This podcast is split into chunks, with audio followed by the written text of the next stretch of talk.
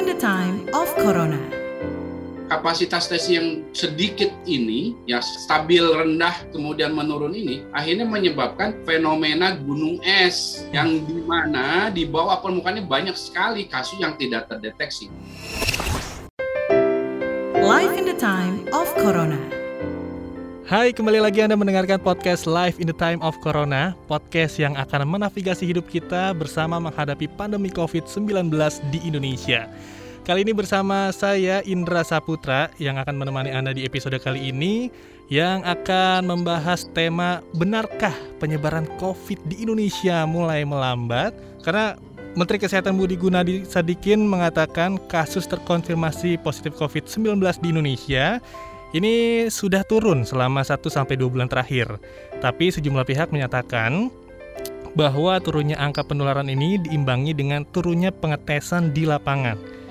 Lalu, apakah turunnya angka penularan ini berkaitan dengan angka penurunan pengetesan? Dan bagaimana sebenarnya kondisi penyebaran COVID di Indonesia saat ini?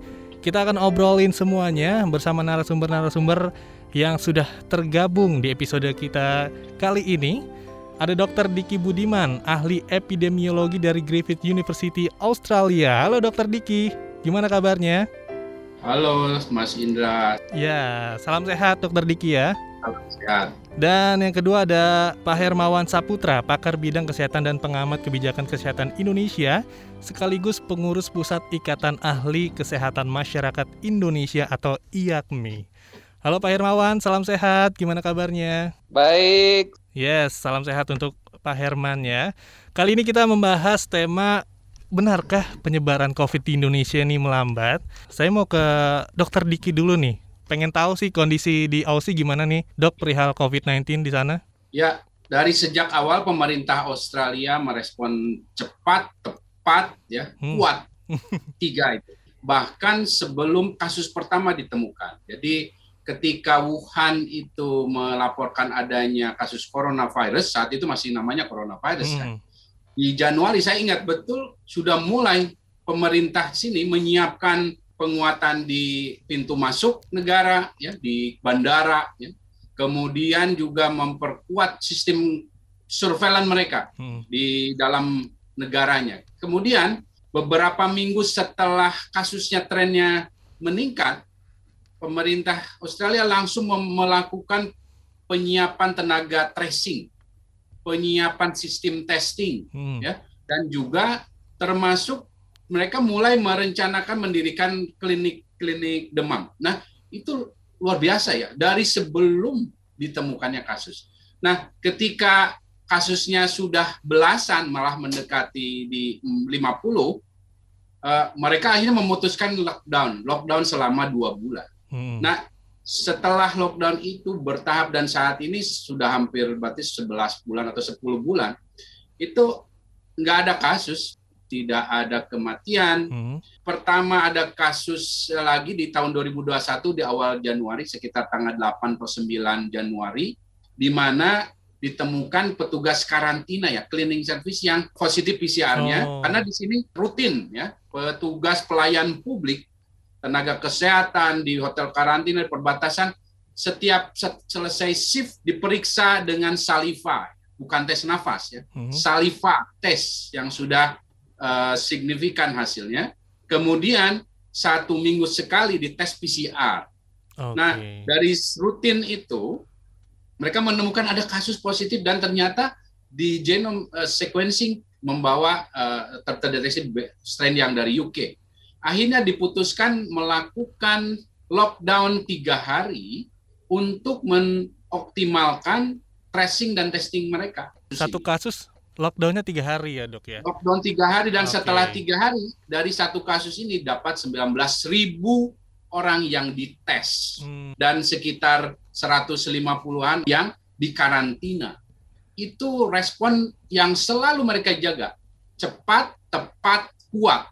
Itu. Dan ini akhirnya memang selama tujuh bulan kita nggak ada pembatasan dalam artian eh, ak- aktivitas ekonomi, sosial, politik berlangsung normal. Oke, dan kalau dari berita-berita dan data-data di Indonesia ini menyebutkan kalau di sini kasusnya mulai ada penurunan nih. Gimana dokter Ya, melihat ini?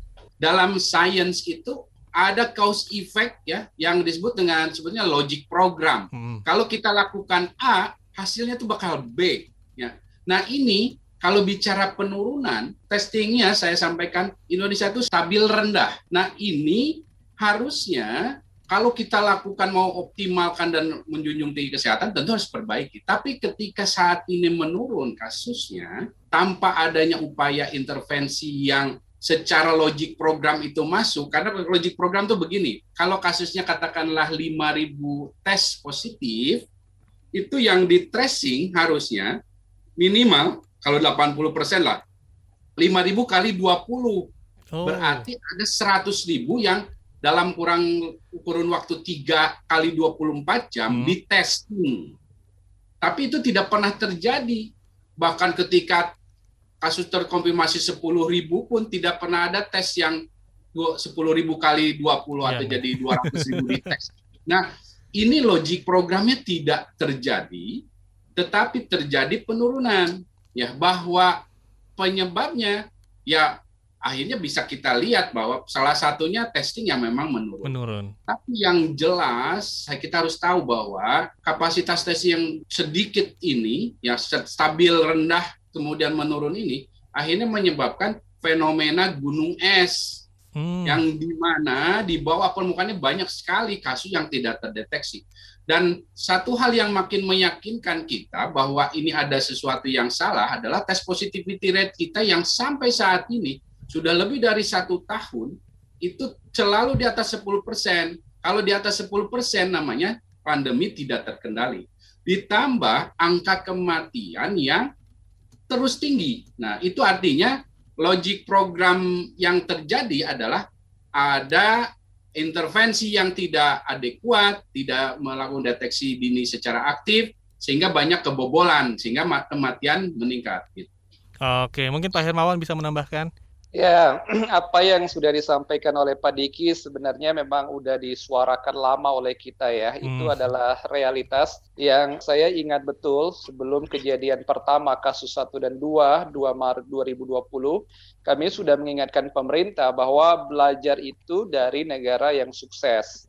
Nah, tetapi waktu itu kan di awal kan baru uh, Tiongkok ya dari hmm. kota Wuhan, provinsi Hubei kita kan termasuk yang terlambat masuknya COVID di saat itu. Tetapi Korea Selatan, Jepang, dan beberapa negara di Asia Tenggara terlebih dahulu, bahkan Australia lebih dulu daripada Indonesia menemukan kasus. Satu hal yang pasti yang menjadi problem kita adalah uh, late detection or late reported. Jadi uh, ini juga dua persoalan kalau di awal kami katakan under reported, under uh, detection begitu ya. Nah sekarang ini uh, late terlambat, terlambat juga menyikapi kebenaran untuk belajar dari eh, negara-negara yang sudah berhasil. Nah, sekarang kalau kita lihat bagaimana pola di negara-negara Eropa contohnya ya. Eropa itu dulu negara hampir semuanya babak belur tuh, diawali oleh Italia dan Spanyol. Tetapi negara-negara di Eropa itu belajar cepat, di mana uh, kejadian COVID ini nggak bisa main-main. Bahkan Swedia yang tadinya sangat cuek, sempat melakukan lockdown pula dan uh, hampir semua Eropa terkendali karena adanya lockdown. Tentu prinsip lockdown tidak serta-merta kita bisa mengakomodir memang karena kebijakan kita penuh dengan uh, kepentingan tetapi yang menjadi standing option kita kan sebenarnya PSBB. Kami yang paling uh, sering dan keras menyarankan agar diberlakukan PSBB nasional agar kasus ini betul-betul terputus mata rantainya, bukan hanya ditekan sementara muncul di daerah lain, tekan di satu titik, muncul titik yang lain.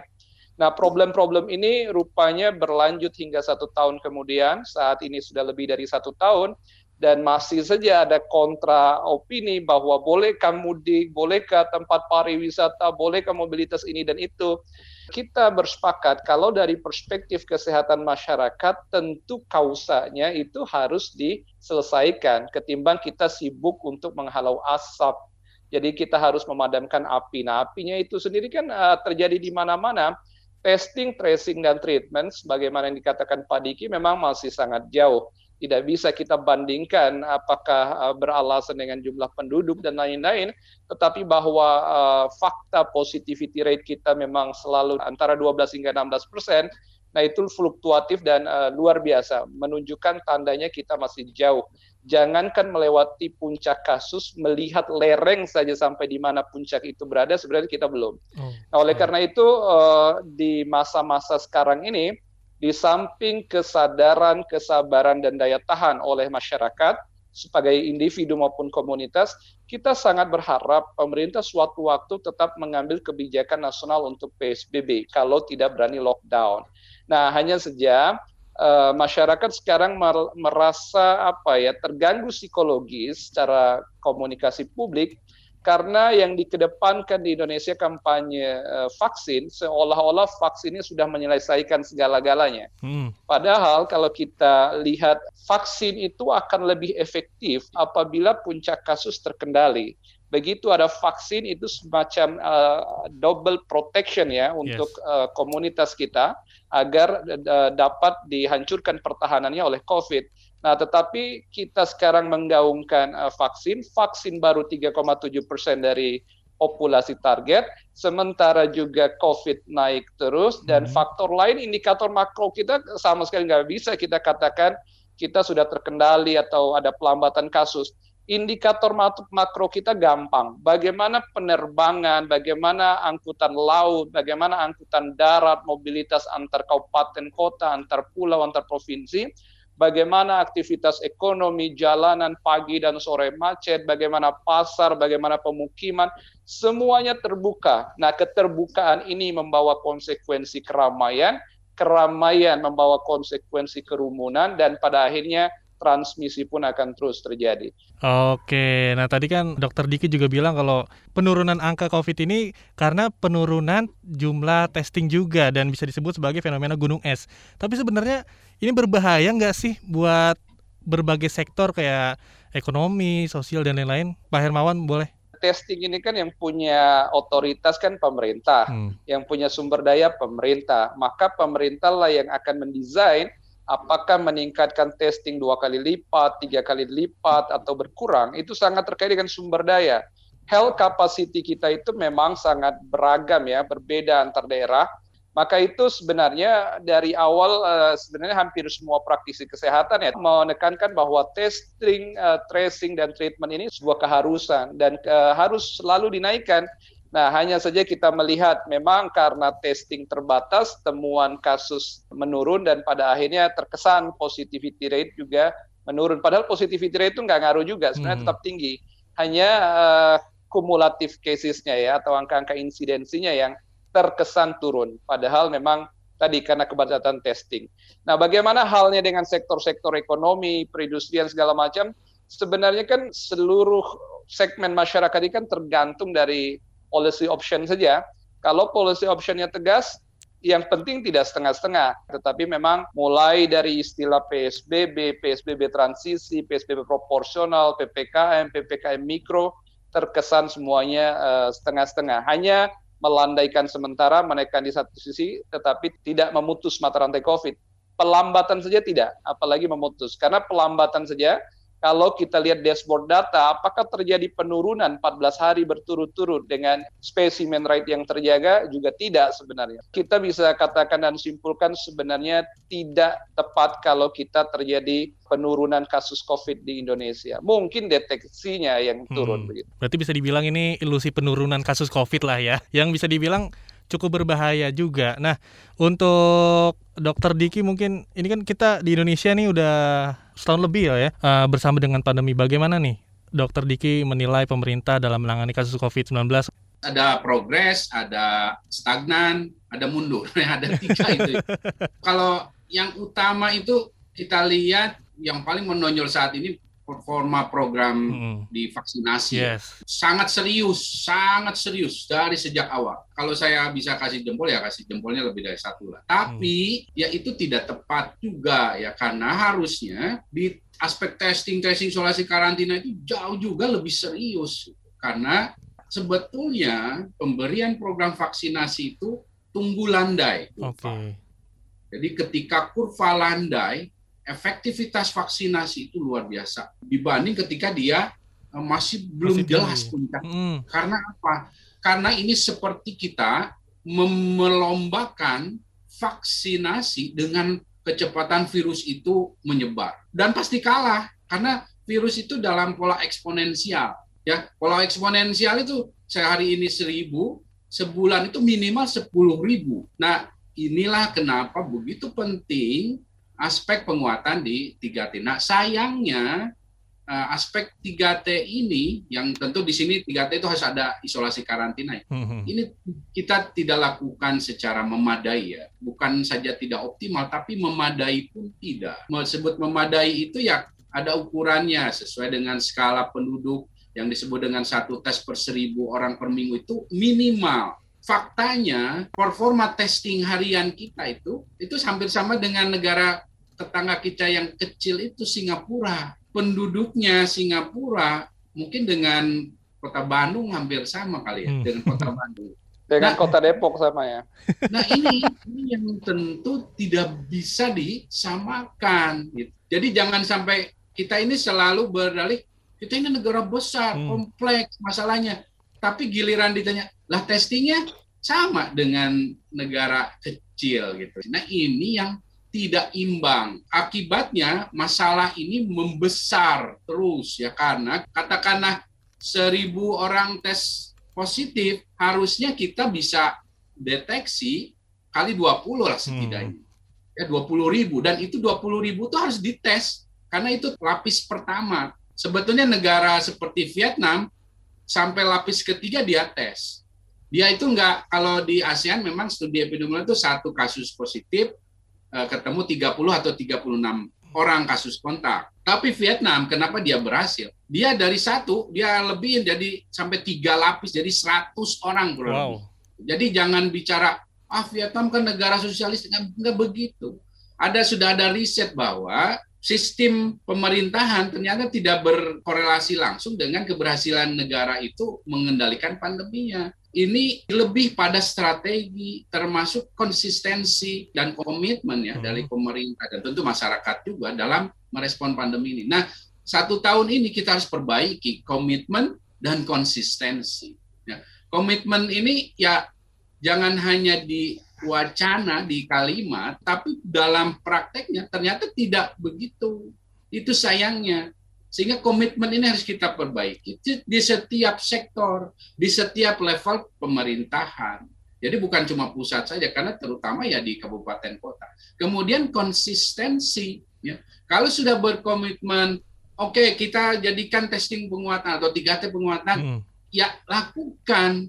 Kita itu ketika trennya bagus menurun, yang euforia, euforia itu tentang pelonggaran. Tapi sebaliknya ketika kasus naik, nggak ada penguatan pengetatan. Hmm. terbalik giliran mau longgar semangat. Giliran mau ketat tidak semangat. Nah padahal kalau mau longgar ya ketat dulu. Kan begitu. Ya, harus nah sekali lagi komitmen konsistensi dan strategi yang berbasis sains ini belum dijadikan rujukan yang kuat hmm. ya sehingga akhirnya yang terjadi eh, banyak kebijakan itu dilakukan tidak berbasis sains hmm. ya saya sampaikan saja ini tesnya. Ada testing yang belum terbukti secara ilmiah, tapi dijadikan testing untuk Masal, di ya? populasi ya? umum. Berbahaya sekali. Dan, dan dianggap, wah ini kita hebat. Lah Australia itu masalah tes nafas ini mm -hmm. di awal-awal pandemi. Tapi nggak di-approve, karena nggak ada basic yang kuat. Jadi sains itu begitu penting. Bahkan menempatkan namanya billboard, menempatkan uh, hand sanitizer yang otomatis itu itu di reset dulu warnanya harus apa oh. ditempatkan di mana tingginya sebagaimana. Itu sampai seperti itu. Segitunya Itulah, ya? Iya memang harus begitu. Hmm. Uh, karena semua itu detail harus berbasis sains, termasuk strategi komunikasi risiko. Uh, namanya data itu kan netral, bangunlah informasi yang positifnya, negatifnya dari data itu. Masalah misalnya penurunan nih, yang dinarasikan kan bagus-bagus, padahal ada aspek lain dari bagus itu yang harus juga diangkat ke publik untuk membangun kewaspadaan. Yeah. Ini yang saya kira harus masih diperbaiki lah. Oke, berarti uh, aspek 3T tadi ya, testing, tracing, treatment yang harusnya justru dikuatkan apalagi sebentar lagi kan puasa terus lebaran nih udah dibolehin untuk mudik, mungkin akan ada kenaikan Betul. lagi. Nah, perihal vaksinasi tadi eh, di Indonesia kan juga sangat digencarkan nih. Tapi tadi dokter Diki bilang baiknya akan lebih ampuh vaksinasi itu setelah benar-benar adanya penurunan ya, bukan karena testingnya yang juga turun ya. Ya, betul, betul. Nah, di Indonesia ini kan udah banyak yang divaksin juga nih. Untuk masyarakatnya nih, sebenarnya protokol kesehatan itu cukup nggak sih setelah vaksin atau ada hal lain yang perlu dilakukan oleh masyarakat? Terima kasih. Perlu saya ingatkan dulu ya sebelum masuk ke menjawab pertanyaan barusan. Vaccination rate di Indonesia ini masih cukup rendah sebenarnya ya. Hmm. Walaupun ada sekitar 4,5 juta orang yang sudah divaksin hingga hari ini. Namun kalau kita evaluasi sejak 13 Januari, sekarang kita udah pertengahan Maret, berarti anggaplah 60 hari ya jadi kalau kita lihat dari 4,5 eh, juta dengan 60 hari, sesungguhnya kita masih sekitar 80 eh, sampai 90 ribu hmm. vaccination rate kita. Jadi berharap agar vaksin ini betul-betul mampu berpacu melawan COVID tadi memang sangat tidak mungkin karena COVID itu memang di lapangan itu terjadi massive transmission, silent transmission dan eksponensial sifatnya ya. Nah, jadi itu hukum yang pertama tuh.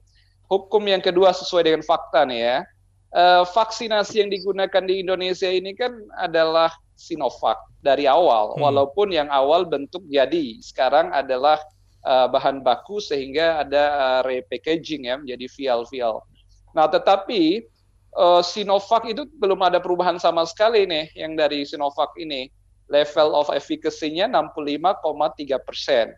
Artinya uh, ada sekitar 64,7 persen kemungkinan respon imunitas yang tidak optimal dan itu ada di tengah masyarakat. Jadi walaupun vaksin itu sudah ada buat masyarakat kita, itu bukanlah segala-galanya ada kemungkinan yang cukup besar sampai pada final report analysis dari Bio Farma nanti di April 2021 bagaimana evaluasi terhadap vaksin dari Sinovac yang dikerjasamakan dengan Bio Farma itu baru kita juga akan melihat clinical effectiveness-nya. Nah, hanya saja eh, masyarakat kita sebagian ini kan seolah-olah juga menjadi abai ada orang-orang yang baru suntikan pertama saja sudah melenggang ke sana kemari gitu kan pada akhirnya itu sangat beresiko. Nah, jadi uh, walaupun orang-orang sudah divaksin, kita menyadarkan kembali bahwa kemungkinan orang itu terpapar itu masih sangat iya. mungkin. Yeah. Jangankan melalui kekebalan buatan ini ya atau rekayasa kekebalan buatan melalui vaksin, orang yang menjadi penyintas saja, survivor saja masih sangat mungkin uh, terjadi reinfeksi Nah, oleh karena itu kehati-hatian masyarakat ini menjadi sangat penting, tidak boleh abai di dalam protokol COVID. Yang berikutnya terkait dengan upaya pemerintah ya. Dulu cara berpikir kita itu testing, tracing, dan treatment itu sifatnya prospektif ya. Jadi kalau orang di testing, kemudian uh, ditelusur, kemudian sebagian didapatkan bergejala berat, ringan, dan itu menentukan treatmentnya. Tetapi selepas kita kejadian di bulan Desember hingga Januari terjadi uh, lonjakan kasus di rumah sakit, fasilitas kesehatan penuh, over capacity untuk fasilitas isolasi dan perawatan, sebenarnya terjadi lagi situasi di mana treatment itu terganggu, ada penyumbatan sehingga mempengaruhi tracing dan testing. Jadi sudah dua arah tuh. Harusnya pendekatannya tidak lagi prospektif tapi juga retrospektif. Nah, kalau ditanya mana yang didahulukan, jadi bukan lagi sekedar testingnya, tetapi treatmentnya juga menjadi sangat penting. Nah sekarang dengan adanya situasi kita, bisa kita katakan tahun kedua ya, masuk tahun kedua nih, karena udah lebih dari satu tahun. Nah pembelajaran besarnya bahwa menangani COVID ini tidak boleh abai, tetapi juga tidak boleh lebay. Lebay ini maksudnya orang terlalu takut berlebihan menghadapi COVID, sehingga juga uh, banyak aspek sosial kebudayaan itu yang menjadi uh, tidak jelas aktivitasnya, pengendalian segala macam. Tetapi juga sangat abai sebagian menganggap wah tidak adalah ngaruhnya COVID ini, ini semua adalah hoax. Nah ini sebab kita tidak boleh, kita harus proporsional bersikap. Cara terbaik proporsional itu dengarkan ahlinya. Nah yang menarik di kita ini jangankan masyarakat awam, para pejabat, birokrat, dan orang yang mengatakan dirinya ilmuwan sekalipun, kadang tidak berdaya ketika dihadapkan dengan data dan fakta yang pada akhirnya tidak mendasarkan pada keilmuan. Nah, mudah-mudahanlah masih bisa sadar dan lebih baik dari berbagai amin, amin, amin. Uh, kepentingan. Amin. Makasih, Terima kasih Pak Hermawan. Terakhir, uh, Dokter Diki mungkin pesan-pesan untuk masyarakat sekaligus tadi menjawab. Ya, pesan saya sih hmm. pertama sekali lagi selalu saya sampaikan bahwa pandemi itu berawal dari satu orang. Ya, jadi makanya ada disebut dengan zero case index case. Ya. Artinya setiap individu di masyarakat ini berperan penting hmm. mencegah pandemi baik pandemi yang saat ini maupun yang ke depan. Dengan cara apa ya? Dengan cara perilaku hidup sehat, keharmonisan kesehatan manusia, hewan dan alam. Lingkungan kita ini sudah mulai rusak gitu dan ini harus kita perbaiki. Jadikan ini momen untuk perbaikan keharmonisan ini. Perjalanan kita masih relatif panjang ya khusus untuk Indonesia. Bahwa pandemi ini akan bisa cepat dicabut, bisa saja. Mungkin misalnya kalau prediksi saya paling cepat awal tahun depan nih misalnya. Hmm. Tapi itu karena definisi pandeminya tidak sudah hilang karena misalnya benua Australia, benua Amerika sudah mulai terkendali itu bisa dicabut. Tapi bukan berarti Indonesia selesai tidak. Itu yang terjadi. Uh, SARS juga seperti itu. Jadi ini artinya jangan sampai kita berada di urutan belakang. Caranya pemerintah tetap konsisten komitmen melakukan 3T dan demikian juga masyarakat lakukan 5M. Oke siap. Terima kasih Dokter Diki, terima kasih juga Pak Herman untuk waktunya sangat bermanfaat. Mudah-mudahan untuk Sama. masyarakat juga bisa terinspirasi untuk terus menerapkan protokol kesehatan 5M yang mudah-mudahan bisa mengakhiri pandemi ini segera ya. Terima kasih juga untuk Anda yang sudah mendengarkan podcast Live in the Time of Corona. Kalau punya ide atau masukan, boleh banget langsung email kita aja di podcast at kbrprime.id tulis di bagian subjek podcast Corona. Jangan lupa juga untuk ikuti podcast yang cocok dengan Curious Mind Anda di kbrprime.id atau bisa juga di platform mendengarkan podcast lainnya. Follow kita juga di Instagram di @kbr.id. Indra Saputra pamit, sampai jumpa di episode selanjutnya. Life in the time of Corona.